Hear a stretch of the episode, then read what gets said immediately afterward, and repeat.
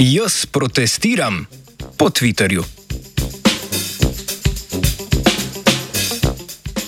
Argentinska raziskovalna skupina je modelirala kolektivno dinamiko politične ozaveščenosti na podlagi medijske pozornosti in medosebnih interakcij na družbenem omrežju. Hipotezo je testirala na množici podatkov povezanih z gibanjem Black Lives Matter in rezultate objavila v reviji Physical Review E.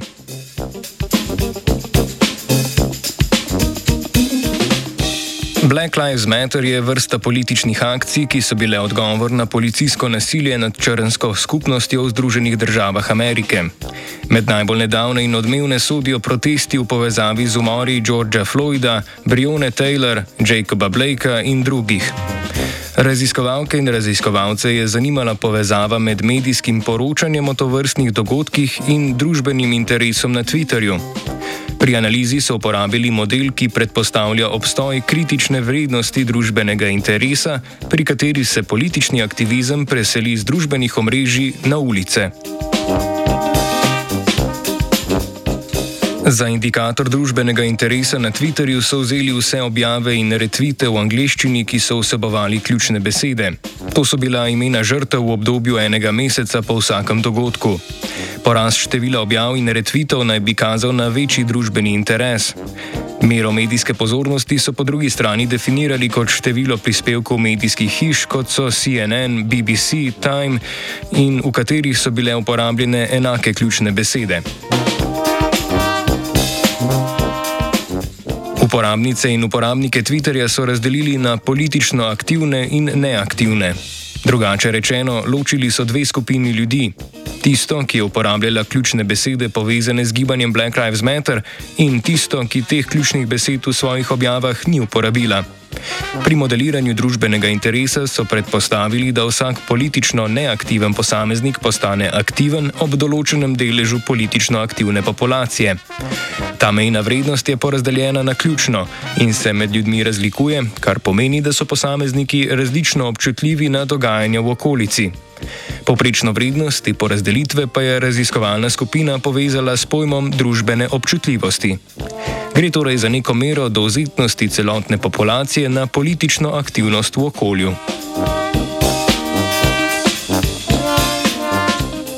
Raziskovalci in raziskovalke so primerjali časovni potek števila objav posameznikov in objav medijskih hiš ter ugotovili, da se družbeni interes za pomembne dogodke poveča hitreje kot medijska pozornost na nje. Pojav so pripisali povečani družbeni občutljivosti.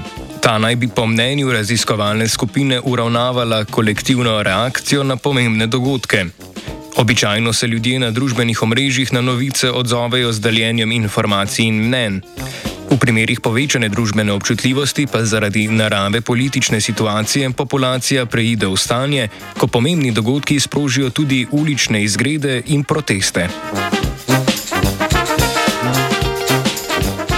Iz podatkov so ugotovili, da je vpliv politične aktivnosti populacije na posameznika močnejši kot vpliv medijskega poročanja o pomembnih dogodkih. Prav tako družbeni interes naraste hitreje, ko so pomembni dogodki pogostejši. Povezavo med povečano družbeno občutljivostjo in kolektivnim obnašanjem, ki presega digitalno okolje, so potrdili s podatki obiskanosti različnih institucij v krajih, kjer so se zgodili protesti. Mejne vrednosti družbenega interesa, ki privede do uličnih izgredov, niso eksplicitno podali.